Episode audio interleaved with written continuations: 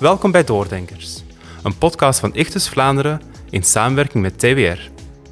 In deze podcast gaan onze gastvrouwen Anne en Anne-Catherine in gesprek met academici. Wat drijft hun onderzoek? Welke grote maatschappelijke vragen houden hen wakker? Waar dromen ze van? En welke rol speelt geloof in dit alles? Welkom bij Doordenkers.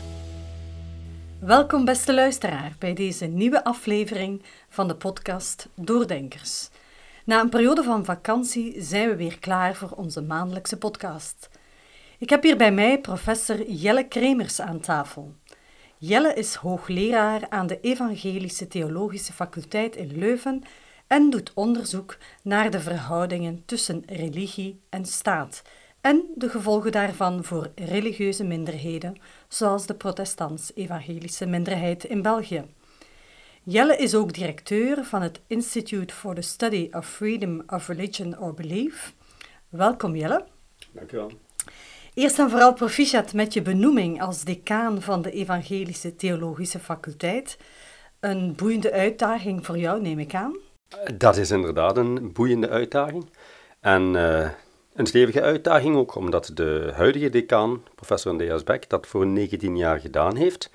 Dus het zijn grote schoenen om in te gaan staan vanaf de start van dit academiejaar. Maar ik ben voorbereid. En wat hoop je te realiseren, als ik mag vragen? Wel, in de eerste plaats hoop ik gewoon te continueren waar dat wij staan als ETF Leuven. Um, de ETF is uh, een, een, een, zeer internationale instelling, is een interdenominationele instelling, dus christenen van zeer diverse achtergronden voelen zich hier thuis onder een heel brede, open evangelische paraplu, zal ik zeggen. We zijn uh, bijbelgericht en uh, de ETF is ook echt een, een learning community. Wij uh, hebben een tachtigtal kamers waar ook studenten verblijven. En dat zorgt ervoor dat, dat ja, samenleven, geloof en, en studie eigenlijk bij elkaar komen. En dat is iets wat ik natuurlijk hoop, op, op gewoon verder te zetten. Um, waar ik nog aan zou willen werken is een versterking van de ETF als een uh, Vlaamse instelling en een Europese instelling. Um, en natuurlijk hebben we de worstelingen van de ETF, die een, een, groeiende instelling is. En dat brengt ook uitdagingen met zich mee. Dus daar gaan we ons de komende jaren op richten. Veel werk om te doen. Nu, we gaan het niet over jouw toekomstige plannen hebben, maar wel over thema's van verhoudingen tussen uh, staat en religie. Nu, tijdens je doctoraat ben je vooral bezig geweest met het thema van ecumene, of dus de verstandhouding tussen christelijke kerken. De laatste jaren maakte je de switch naar eh, relatie, verhouding tussen religie en overheid, in het bijzonder van evangelische kerken. Van waar deze switch? Ja, dat lijkt niet vanzelfsprekend, maar uh, in mijn uh, hoofd uh, was dat toch een heel logische overgang. Ik zal uitleggen waarom. Ik heb mijn uh, doctoraatsonderzoek gedaan over een ecumenische dialoog, dus dialooggesprekken tussen vertegenwoordigers van de Rooms-Katholieke Kerk en van de klassieke Pinksterbeweging. Dat is een vrij onbekende dialoog, maar dat is een dialoog op internationaal niveau die al bestaat sinds 1972. Sinds 1972 komen quasi jaarlijks leiders vanuit uh, de klassieke Pinksterbeweging uh, samen met uh, vertegenwoordigers van de Rooms-Katholieke Kerk om na te denken over wat hen scheidt en wat hen bindt. Um, ik heb in de loop van mijn onderzoek niet zozeer aandacht gegeven aan de theologische gesprekken op zich. Wat vonden ze over geloof, wat vonden ze over de Heilige Geest enzovoort. Maar mijn vraag was vooral hoe kan een beweging, zoals de Pinksterbeweging, hoe kan zij eigenlijk in een ecumenische dialoog stappen? Wie, wie zit daar aan tafel? Wie vertegenwoordigt de Pinksterbeweging? Hoe hebben ze de dialoog opgezet?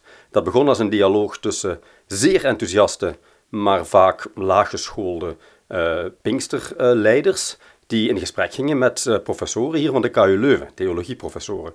Hoe hebben ze dat aangepakt? Dus mijn vraag was veel meer naar um, de vormen en de methodieken van die uh, dialoog. En daarbij ja, wordt natuurlijk al snel duidelijk hoe belangrijk het is dat, allez, hoe, hoe, belangrijk machtsverhoudingen zijn binnen een religieuze gemeenschap. Hè. Um, dat geldt voor de katholieke kerk, maar net zo goed voor de uh, Pinkster- of evangelische beweging. Um, en de manier waarop men zichzelf presenteert, zelfpresentatie. En dat zijn eigenlijk de aspecten die ik heb meegenomen ook naar mijn postdoctoraal onderzoek. Ik uh, kom zelf uit een, een Vlaamse evangelische achtergrond. En ik was sowieso geïnteresseerd in de vraag hoe dat de Vlaamse evangelische beweging zich tot de, tot de maatschappij verhoudt. En haar verhouding tot de overheid hoort daarbij.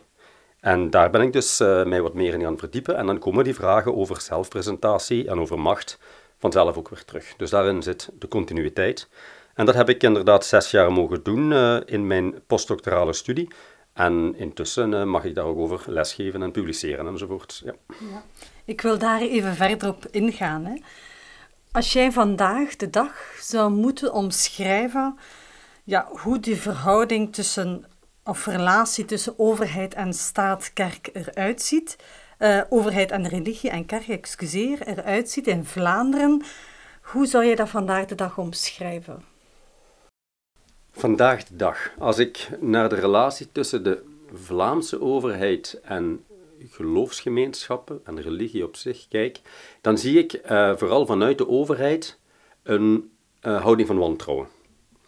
Uh, en dat is wat mij betreft een verandering ten opzichte van de situatie twee à drie decennia geleden. Um, ik denk dat daar duidelijke oorzaken voor aan te wijzen zijn. De crisis binnen de kerk, um, schandalen binnen de kerk, um, de groei van moslim-extremisme en ook de aanslagen hier in België, die hebben daar natuurlijk alles mee te maken. Maar op een of andere manier heeft zich in die laatste decennia zich een zeer kritische, negatieve houding van de overheid ten opzichte van religie ontwikkeld. Uh, dat is alleszins mijn indruk. En dat heeft natuurlijk ook implicaties voor de manier waarop de overheid met religieuze gemeenschappen omgaat, hoe er over religie gesproken wordt, uh, in het uh, politieke discours enzovoort. Um, en dat is, ja, dat is een, wat mij betreft een heel jammerlijke ontwikkeling, want ehm, net als veel andere Europese staten heeft België eigenlijk sinds haar oprichting in 1830 een, een zekere uh, verwevenheid uh, van, van, van of kerk slash religie en overheid. Daar bedoel ik niet mee dat er geen scheiding is tussen kerk en staat. Ik kan er zo meteen wel meer over zeggen. Maar daar bedoel ik mee dat er een relatie was van gedeelde verantwoordelijkheid. En een, uh, een, een, een, steun voor geloofsgemeenschappen vanuit de overheid. De mogelijkheid voor geloofsgemeenschappen om zich ehm, uit te drukken in de maatschappij enzovoort. En dat is nooit zonder moeite geweest. Hè. Er zijn altijd tegenstanders geweest tegen zo'n, zal ik zeggen, samenwerking. Ehm, maar dat is de laatste twee, drie decennia toch behoorlijk gekeerd, wat mij betreft, naar een houding van wantrouwen vanuit de overheid naar religie toe. Je blikt al een stukje terug hè, van de laatste decennia wantrouwen die toeneemt. Zijn er nog maatschappelijke veranderingen als je in de geschiedenis terugkijkt? ja, die, die je gezien hebt in die verhouding tussen staat en kerk? Um, ja, zeker. Uh, als we, en als we daar iets over willen zeggen, moeten we eigenlijk zelfs teruggaan tot de tijd van Napoleon. Um, toen België of deze contraien onder Napoleontisch bewind waren, um, heeft hij een, een vrij radicale beslissing genomen, namelijk om al de gronden en heel veel eigendommen van de kerk van eh, de religieuze instellingen, dat was hier de katholieke kerk, te confisceren. Um, dus heel veel bezit van de kerk is toen afgenomen, is in, in, bezit van de staat gekomen. En wat hij er tegenover plaatste was, dan zal ik uw kerken ondersteunen en zal ik ook zorgen dat uw uh, priesters en dergelijke, bisschoppen enzovoort, een overheidsloon krijgen. Dat is natuurlijk een, een slimme politieke beslissing, uh, want dan heb je ook macht. Hè? Als je geld hebt, heb je ook macht. Um, maar dat heeft er wel voor gezorgd dat ook bij de oprichting van België uh, zo'n zo een, een, een steunbeleid is blijven bestaan.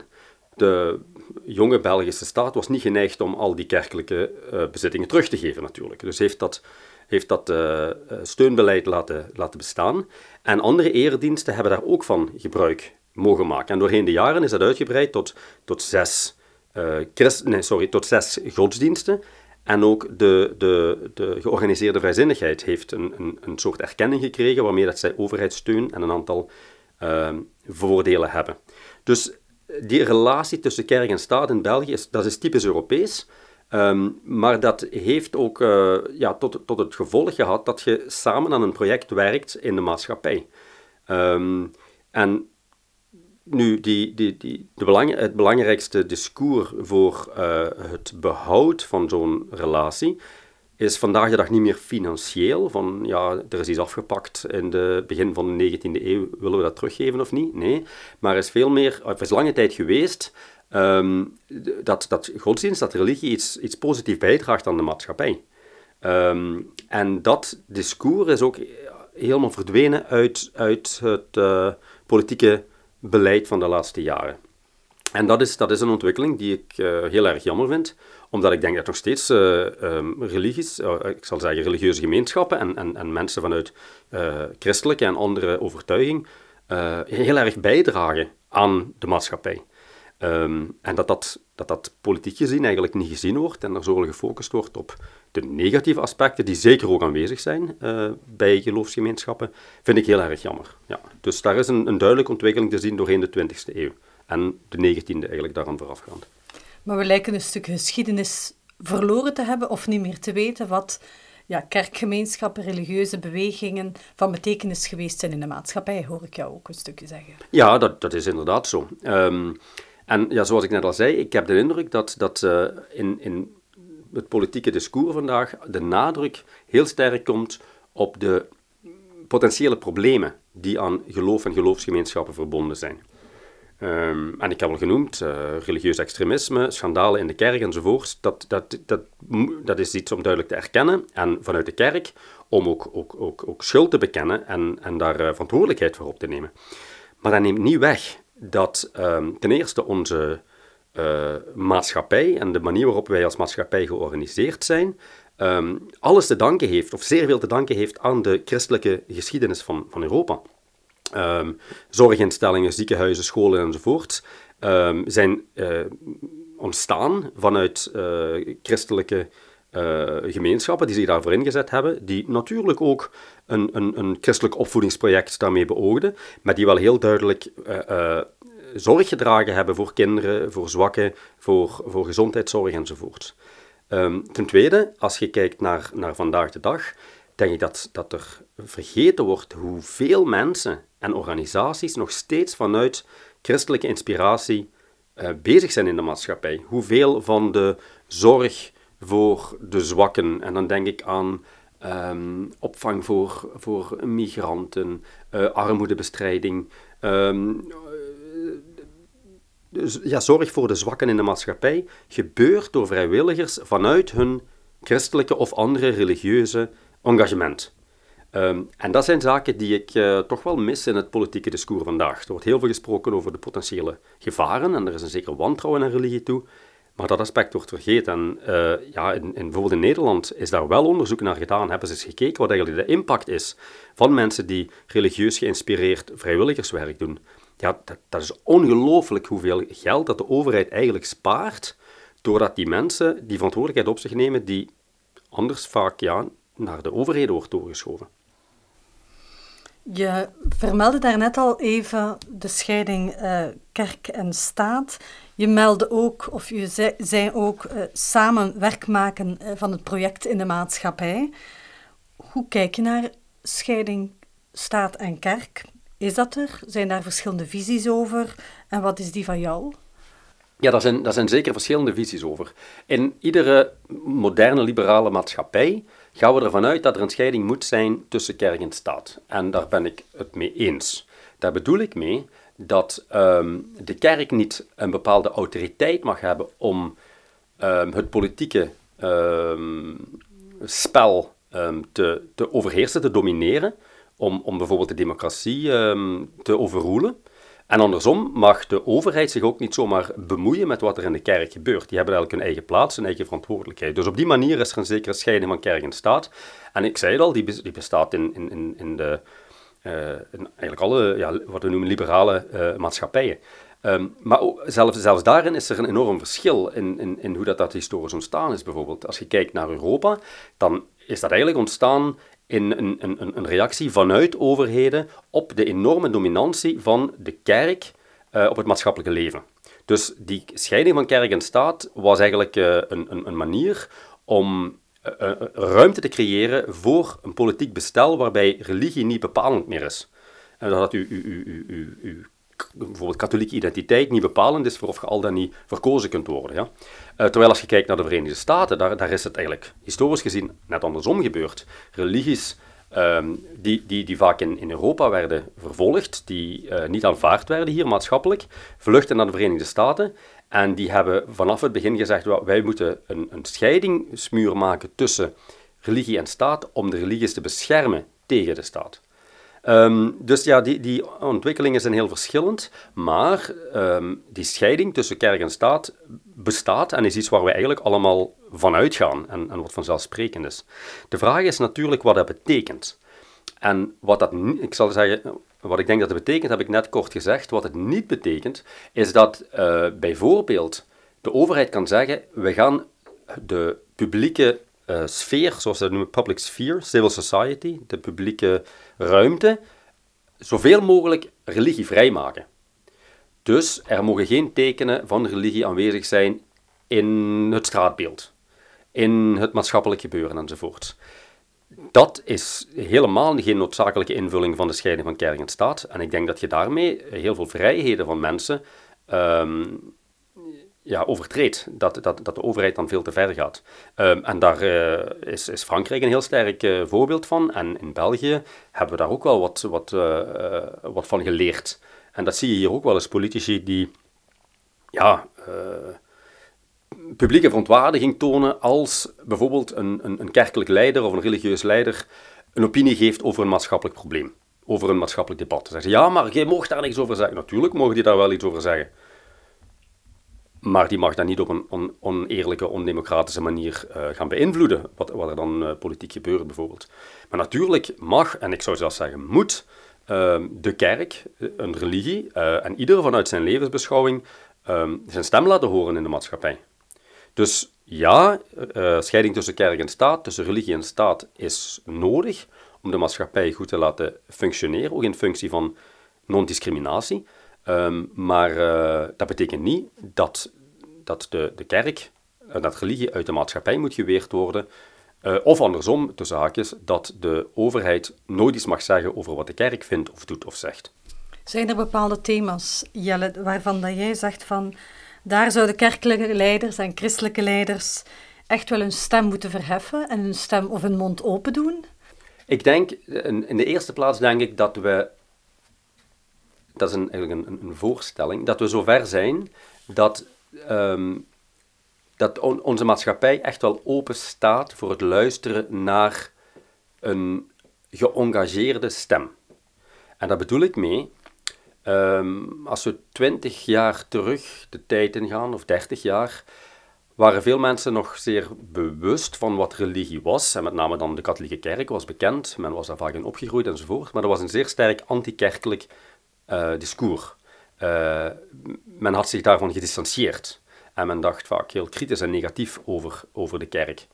Um, dat is eigenlijk voor een groot stuk voorbij. Als we naar de maatschappij van vandaag kijken, uh, vele jongeren, en dan praat ik ook over jaren mensen in hun twintiger jaren, in hun dertiger jaren, weten vaak niet eens meer wat, wat religie is. Zijn helemaal niet opgegroeid met een concept als geloof, Bijbel, weten niet wat een profeet is, uh, weten amper wie Jezus is, laat staan wat, uh, wat, wat Mohammed betekent voor de, voor de moslims enzovoort. En dus daar is een, een grote onwetendheid, er is een, een, een religieus analfabetisme. Um, dat betekent dat iemand die zich vandaag de dag uh, als christen uitspreekt in de maatschappij, vaak wel iets uit te leggen heeft. Maar tegelijkertijd is er een veel minder anti-kerkelijk en anti-christelijk uh, gevoel in, de maatschappij. Alleszins, dat is, dat is mijn uh, inschatting. Um, en dat betekent dus ook dat, dat we onze stem echt wel mogen laten horen. Dus ja? we zien toch een aantal opportuniteiten dan? Ja, ik zie daar zeker opportuniteiten. Het, het, is echt, het wordt gewaardeerd als mensen geëngageerd zijn. En mensen zullen ook wel willen horen waarom dat je dan geëngageerd En als dat uit een christelijk engagement is, dan mocht je daar zeker hardop vertellen. De volgende vraag was, en dat was uw, uw, uw oorspronkelijke vraag, en waar moeten we ons dan voor engageren maatschappelijk? Wel, mijn antwoord daarop is vrij evangelisch. En dan bedoel ik met evangelisch op het evangelie gebaseerd. Um, als ik kijk waartoe Jezus ons oproept, um, dan is dat de verantwoordelijkheid opnemen voor de zorg van de zwakken, de zieken, de armen, de gevangenen enzovoort. En dat denk ik dat een, een primaire verantwoordelijkheid is, een maatschappelijke verantwoordelijkheid, ook voor christenen vandaag. En dat is iets waarvoor ik denk dat wij ons als, als gelovigen heel duidelijk uh, mogen laten horen in de maatschappij. Um, waar ik minder toe geneigd ben, dat zal ik dan ook tegelijkertijd zeggen, is, uh, ik, ben, ik ben geen voorstander van een heel sterk uh, maatschappijkritisch discours, waarbij dat we voortdurend gaan bekritiseren wat er in de maatschappij gebeurt en zeggen, ja, wij weten eigenlijk hoe het beter moet. Dat kan zijn dat wij een andere ethiek hebben dan maatschappelijk gedragen wordt. Maar om voortdurend als, als kerk en als gelovigen een tegenstem, een, een, een, een kritische tegenstem te zijn, um, ik denk dat je daar ook heel veel mogelijkheden mee mist. Daar gaat je heel veel energie steken in het tegenhouden of het proberen tegen te houden van maatschappelijke ontwikkelingen die je toch niet kunt tegenhouden. Want of we dat leuk vinden of niet, we zijn een zeer kleine uh, minderheid. Um, en waarom die energie niet investeren in een, in, een, in een positief verhaal, in een positieve bijdrage in de maatschappij? Heb je het dan over thema's zoals abortus, euthanasie en dergelijke meer? Ja, uh, bijvoorbeeld. Um, ik zeg niet dat wij daar ons niet tegen mogen of moeten uitspreken. Helemaal niet. Um, ik denk dat we heel duidelijk een, een, een mening mogen hebben en die mogen uitdragen. Maar om alle energie te investeren in het, um, in het uh, uh, bekritiseren van, van uh, een aantal maatschappelijke thema's, ja, dat, dat, is, dat is energie die, zeer waarschijnlijk niet, niet tot, tot resultaten gaat leiden en die, die, die tot een, een, een, ja, een negatieve houding, ook vanuit overheid en maatschappij, naar, naar, naar religies kan leiden. En dan denk ik, ja, um, wilt je daar uw, uw, uw tijd en energie in investeren? Opnieuw, ik zeg niet dat we daar geen duidelijke meningen over, over hebben en dat we die ook niet mogen uiten over, over maatschappelijk moeilijke thema's. Um, aan de andere kant um, is het ook zo, namelijk dat wij uh, ook de vrijheid hebben binnen de maatschappij om daar onze eigen keuzes in te maken en onze beslissingen een, een maatschappij die, um, die ruimte laat voor euthanasie bijvoorbeeld, dat betekent niet dat jij als gelovige moet kiezen voor euthanasie op een gegeven moment. Je mocht er je eigen keuzes in maken. En je mocht die ook verantwoorden, je kunt die uitleggen aan mensen enzovoorts. Ook geloofsgemeenschappen kunnen daar gezamenlijke standpunten in innemen en kunnen uh, bepalen hoe, dat, hoe dat zij er naar kijken. Um, maar dat, dat hoeft niet te betekenen dat je je voortdurend op het maatschappelijke veld gaat begeven om, om, om uh, zo'n tegenstem te zijn tegen bepaalde ontwikkelingen. Dat bedoel ik te zeggen. Maar ik hoor jou ergens toch wel pleiten voor het opkomen voor recht doen, het opkomen voor uh, ja, onderdrukte, kwetsbaren in de maatschappij. Vandaag de dag hebben we natuurlijk een aantal minderheden, denk aan LGBTQ, eh, andere minderheden. Hoor ik je dat ook zeggen ook als christen is het, of als kerk is het onze verantwoordelijkheid om ja, ook daarvoor op te komen? Um, voor hun rechten, ja, natuurlijk. Ik, dat vind ik wel. Uh, daar bedoel ik mee. Ik denk dat wij in een maatschappij leven en willen leven waarin niet, iemand niet gediscrimineerd wordt. Dat wil zeggen, niet maatschappelijk wordt uitgesloten van bepaalde uh, mogelijkheden, bijvoorbeeld een job of een huisvesting of wat dan ook omwille van redenen die er niet toe doen. Um, wat betreft die, de huisvesting of die job. Ja? Uh, dan, bedoel ik um, dat, dat wij in een maatschappij leven, en ik, ben daar een enthousiast voorstander van, waarin dat wij zeggen, je mocht niet iemand discrimineren op basis van zijn huidskleur, op basis van zijn geloof of overtuigingen, um, op basis van geslacht of gender, uh, en ook niet omwille van, van seksuele geaardheid. Dus uh, ja, ik vind dat wij als christenen ook moeten opkomen voor die vrijheden. Ik bedoel, we willen zelf ook de vrijheid hebben om als christen te kunnen zeggen en te denken wat wij willen. Um, en daar niet voor gediscrimineerd te worden. En dat geldt ook voor mensen die op een andere manier in het leven staan. Of die hun, hun, hun, hun, hun anders geaardheid misschien zelfs combineren met een christelijke identiteit. Nou, dat, dat is al een hele uitdaging. Um, maar waar het mij om gaat, uh, is dat je dus aan de ene kant dat volgens mij moet doen, maar aan de andere kant dat je nog steeds de vrijheid hebt als individu en ook als gemeenschap om uh, andere keuzes te maken. En om te zeggen, ja, de, dat uh, is niet mijn ethiek, dat is niet mijn levenshouding, of dat is niet onze ethiek, onze levenshouding als, als geloofsgemeenschap. Um, dus ik, weet niet of het Montesquieu was die het zei, of dat het op hem gebaseerd is, maar iemand zei eens... Uh, ik, ik, ik verfoei die hoofddoek die jij draagt, maar ik zal vechten voor uw recht om ze te dragen. En uh, ik ik heb niks tegen hoofddoeken, laat dat even duidelijk zijn. Maar het punt van die stelling was, ehm, ja, er is een groot verschil tussen de vrijheid verdedigen van iemand en het eens zijn met alles wat die persoon met de vrijheid doet. En ik denk dat ook als, wij als christenen dat wij daar een onderscheid in moeten maken. Mhm. Een vraag die op mijn lippen ligt. Ehm, als je kijkt naar Nederland, dan zijn daar ja, toch verschillende christelijke partijen met een veel sterker christelijk profiel dan dat wij in Vlaanderen hebben, met bijvoorbeeld de CD&V, waar de C, als we eerlijk zijn, ja, heel wat aan kracht heeft ingeboet de voorbije jaren. Hoe kijk jij, of moeten we het oprichten van een christelijke partij, die we ook in het verleden wel kort gekend hebben, moeten we daar naar zoiets naartoe of begeven we ons dan op glad ijs? Ja, ik, ik ben in deze pragmatisch, denk ik. Um, en dan bedoel ik, we zijn, ik denk dat als je spreekt over een christelijke partij, ja, de vraag is natuurlijk wat je dan daarmee bedoelt. Ja?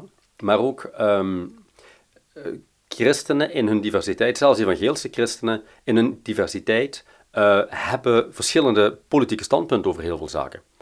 Um, en we zijn al een heel erg kleine minderheid.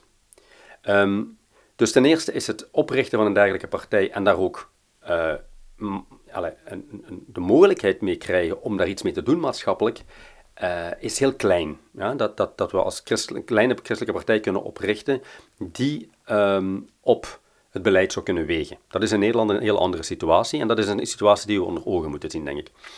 Um, aangezien dat um, heel erg moeilijk is en aangezien uh, de christenheid en ook de evangelische christenheid uh, divers is, ja, is het niet te verwachten dat we tot een partij gaan kunnen komen die uh, heel sterk gedeelde um, politieke standpunten heeft en die daar ook dan die, die, die, die kleine achterban ook nog helemaal voor kan winnen. Dus ik, ik verwacht niet dat dat een, een, een realistische mogelijkheid is in Vlaanderen op, op, op termijn. Ik zie dat nog niet gebeuren. Wat ik wel uh, zeker uh, als mogelijkheid zie, is dat christenen uh, vanuit hun christelijk engagement zich politiek engageren. En daarin ook heel duidelijk uh, als, als christen staan en zeggen, ja, maar ik, ik doe dit als volgeling van Jezus. En dat heeft bepaalde implicaties op de posities die ik inneem. En dat zal implicaties hebben voor de partij waarvoor ik kies.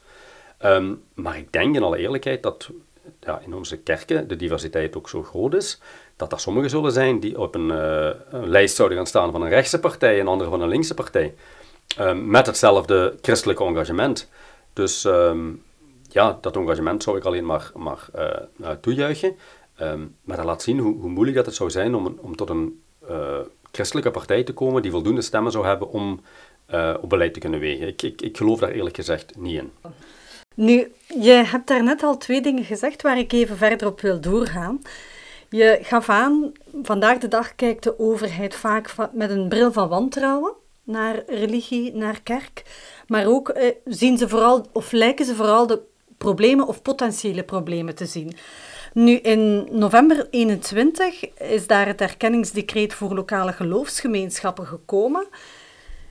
Heeft dat daarmee te maken met vanuit dat gevoel van wantrouwen, die potentiële problemen die men vooral ziet? Ja, misschien eerst even de context schetsen. Hè. Um, het, het, gaat over het volgende. Er zijn geloofsgemeenschappen die vanuit de overheid een erkenning kunnen krijgen. En als je een, een, erkenning hebt, dan moet je deel zijn van een erkende eredienst. En zoals ik straks al zei, er zijn um, zes erkende erediensten. Er zijn in totaal zeven erkende levensbeschouwingen, die dus gemeenschappen kunnen oprichten of hebben die gesteund worden door de overheid.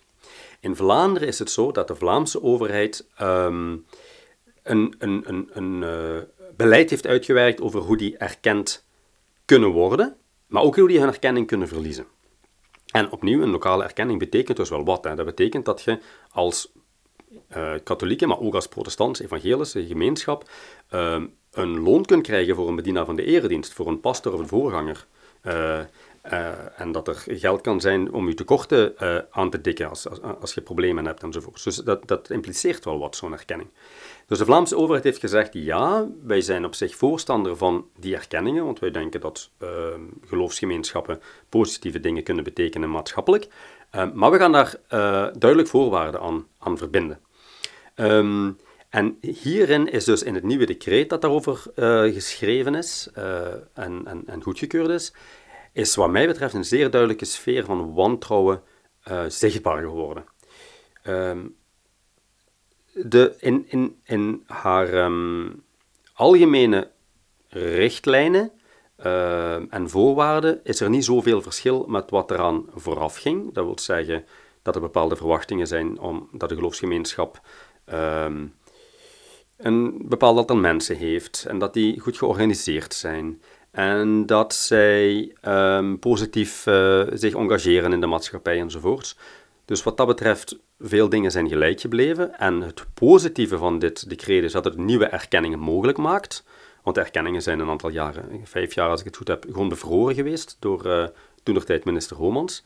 Um, dus dat is, dat is het positieve. Maar, ik zeg het, daar is een sfeer van wantrouwen bijgekomen. En de Vlaamse overheid heeft het wijs geacht om met dit nieuwe decreet ook een nieuwe overheidsinstantie in het leven te roepen die de geloofsgemeenschappen gaat controleren. En daar is behoorlijk wat geld mee gemoeid. En dat betekent dat er uh, dus een, een, dienst wordt opgezet. Uh, ik dacht van een, een, totaal iets van een vijftiental VTE's of zo, eh, voltijdse mensen, die ja, eigenlijk betaald worden om informatie te vergaren vanuit de erediensten, vanuit de geloofsgemeenschappen, en die ook te gaan controleren. Um, en ja, voilà, dat, de, de, de, kerk-staatverhoudingen hebben in België dus nu bijna 200 jaar bestaan zonder dat men die noodzaak gezien heeft. Dat was altijd in een, een sfeer van wederzijds vertrouwen. Niet volledig vertrouwen, daar waren altijd spanningen natuurlijk enzovoort. Uh, maar het feit dat, dat er nu zo'n orgaan wordt opgericht die tot expliciet doel heeft om te gaan controleren Um, hoe het zit met de financiën van geloofsgemeenschappen, hoe dat ze zich maatschappelijk engageren. Het kan zelfs zijn dat er een, controleur komt die gaat kijken wat er van de preekstoel gezegd wordt enzovoort. Ja, dat vind ik geen positieve ontwikkeling. Uh, Integendeel. En dan denk ik, ten eerste, had dat geld niet beter gebruikt kunnen worden om die geloofsgemeenschappen en hun structuren te ondersteunen, zodat zij op een goede manier zich kunnen engageren en, en, en zorgen dat een financiële huishouding op orde is, een boekhouder aanstellen enzovoort. Uh, en ten tweede, um, waarom zoveel geld naar die erkende geloofsgemeenschappen, die voor overgrote meerderheid bestaan uit, uit ja, katholieke parochies, waar, uh, ik zeg het, die, die al 200 jaar vertrouwd worden en die nu opeens ja, een regelmatige controle kunnen verwachten.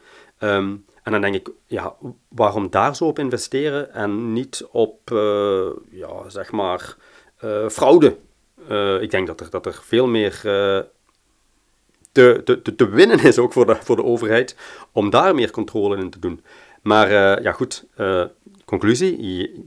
Positieve ontwikkeling dat er weer duidelijkheid is, dat er een kader is voor erkenning en dat er weer erkenningen zullen kunnen volgen. Maar ik voel een heel duidelijke sfeer van wantrouwen en ik vraag me af hoe dit decreet straks zal worden geïnterpreteerd en waar dat toe gaat leiden. Hoeveel kerken, of moeten we ons bij voorstellen hoeveel kerken momenteel reeds erkend zijn? Binnen Evangelisch Vlaanderen? Mm, ja, dat gaat over niet veel kerken. Dat is minder dan twintig kerken in Vlaanderen die erkend zijn. Dus dat gaat over een kleine uh, groep, maar er zijn er wel die in de, in de pijplijn zijn, zoals men zegt, die die erkenning hebben aangevraagd. Um, maar dat gaat over een hele kleine minderheid van het totaal aantal uh, protestantse evangelische geloofsgemeenschappen in Vlaanderen. En dat gaat ook over een hele kleine minderheid van de erkende geloofsgemeenschappen uh, op, het, op het Vlaamse. Uh, en, en moeten we daar naar streven, naar meer? Meer overheidserkenning. Ah wel, dit vind ik het fijne van um, een protestants-evangelische uh, ecclesiologie, een kerkleer. Evangelische kerken in Vlaanderen zijn over het algemeen vrij kerkelijk. En dat betekent dat, dat betekent heel wat zaken, maar dat betekent bijvoorbeeld dat hun kerk zijn, hun definitie van kerk zijn, vertrekt van benedenuit. Een kerk is in de eerste plaats een gemeenschap van gelovigen, die samen zijn in de naam van Jezus Christus. Um, en dan kun je zeggen, ja, maar dat is toch vanzelfsprekend? Nee, dat is niet vanzelfsprekend. Vanuit bijvoorbeeld een, een katholiek of een orthodox perspectief is een geloofsgemeenschap pas een volle kerk als het deel is van een hiërarchie. Als zij een bisschop boven zich heeft, die ook weer afhankelijk is in de katholieke kerk van een paus. Ja, dus je moet deel zijn van een hiërarchie. In evangelisch, vrij kerkelijk perspectief vertrekt een kerk van een, een lokale gemeenschap van gelovigen. Als die samen zijn in de naam van Jezus en een aantal dingen met elkaar doen en delen, dan noemen we dat een kerk. Um, Waarom vertel ik dat? Wel, omdat ook als het gaat dus over uh, hoe dat een geloofsgemeenschap in de maatschappij staat, haar geloofsbeleidenis, uh, ook haar, haar uh, misschien positie ten opzichte van moeilijke ethische standpunten, maar ook haar houding ten opzichte van de overheid bijvoorbeeld. Daarin laten wij geloofsgemeenschappen hun eigen keuzes maken. Dus het is mogelijk dat er in één dorp twee evangelische kerken zijn, vrije kerken zijn, waarvan de ene ehm, zeer maatschappelijk geëngageerd is um, en de andere totaal niet. Waarvan de ene um, betaald wordt door de overheid en de andere totaal niet. Waarvan de ene een, een zeer uh, strikt uh, ethisch kader heeft en de andere zoekt heel open en, en ontvangend te zijn. Dus dat, die, die diversiteit die kan en mag bestaan en dan zijn wij als uh, evangelische gemeenschappen ja, geneigd om elkaar daarin die vrijheid te geven. En natuurlijk zorgt dat ook al voor strubbelingen en discussies enzovoort.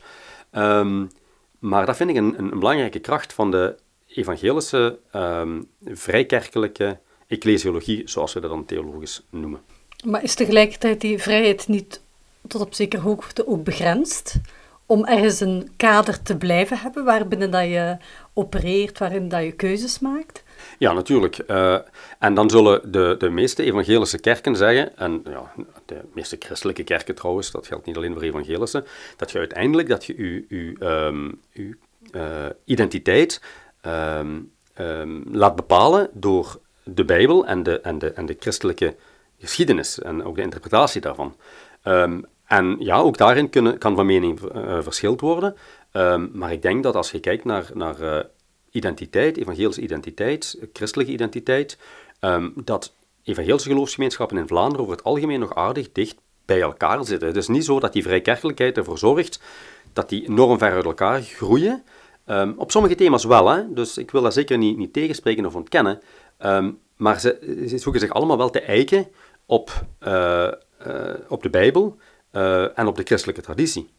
En, en ja, daarmee deelt je natuurlijk wel heel erg veel. Een, een, een kerk wordt niet zomaar een, een, een ja, weet ik veel, een, een, een ongeloofsgemeenschap of een, of een islamitische gemeenschap of wat dan ook. maar ja, hoe, hoe breed dat die basis dan moet zijn, hè? wat we allemaal met elkaar moeten delen om, om te kunnen blijven spreken over één evangelische familie? Ja, dat is een hele, hele moeilijke vraag. Um, waarop ik het antwoord niet ga geven, maar ik zou wel vertrekken vanuit de basis eigenlijk van christelijk geloven, zoals dat bijvoorbeeld in de apostolische geloofsbelijdenis geschreven wordt, uh, beschreven wordt. En ik zie heel veel uh, handvatten, ook in de Bijbel natuurlijk, um, waar, dat wij, uh, waar dat wij vanuit kunnen vertrekken. En ja, dan moeten we ook met elkaar in gesprek gaan. Misschien is dat thema voor een volgende podcast, hè? Dus ik ga de vraag ook niet stellen aan jou, Jelle. Ik heb nog twee vragen, want de tijd tikt, zie ik. Hoe kijk jij op het vlak van verhoudingen staat en kerk de toekomst tegemoet? Welke uitdagingen zie je? Wat hoop je op? Dat vind ik een lastige vraag. Ik zou de vraag willen omkeren. Mijn vraag zou zijn: hoe maken wij de toekomst?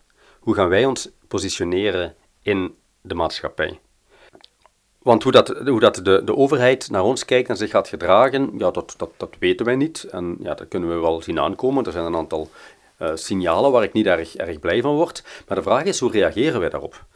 Uh, en dan hebben we um, die, die klassieke uitdrukking, ik ga daar uh, in mijn inaugurele reden volgende week ook over spreken, dat we vaak zeggen als evangelische christenen, wij zijn in de wereld, maar niet van de wereld.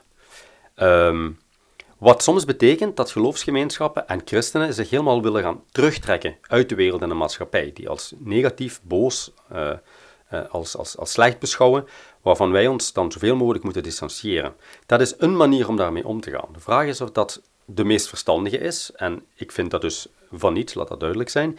Ik denk dat wij in deze tijd um, beter zouden werken aan een discours van verantwoordelijkheid, waarin wij nadenken, wat hebben wij als christenen aan de maatschappij te bieden? Waarin kunnen wij als christenen met elkaar samenwerken om deze maatschappij beter te maken? En dat betekent ook, hoe gaan wij uh, samenwerken bijvoorbeeld met, met, met de politiek? Wat, wat kunnen wij betekenen uh, voor de maatschappij? En hiermee kom ik eigenlijk terug op wat ik helemaal in het begin ook al gezegd heb. Um, ik denk dat er uitdagingen zijn, ja, maar er zijn ook mogelijkheden naar de toekomst toe. En ik denk dat we ons beter de vraag stellen, hoe verhouden wij ons tot de wereld, tot onze maatschappelijke context? Um, en hoe doen wij dat op een positieve manier? dan dat we ons uh, proberen af te vragen of en hoe we het uh, politieke bestel kunnen beïnvloeden, want dat kunnen we toch niet. Je beantwoordt daar al een stukje mijn tweede vraag, of mijn laatste vraag, van wat wil je nog graag meegeven aan christelijke studenten die luisteren, kerkleiders, kerkleden die luisteren? Misschien wil je daar nog iets aan toevoegen?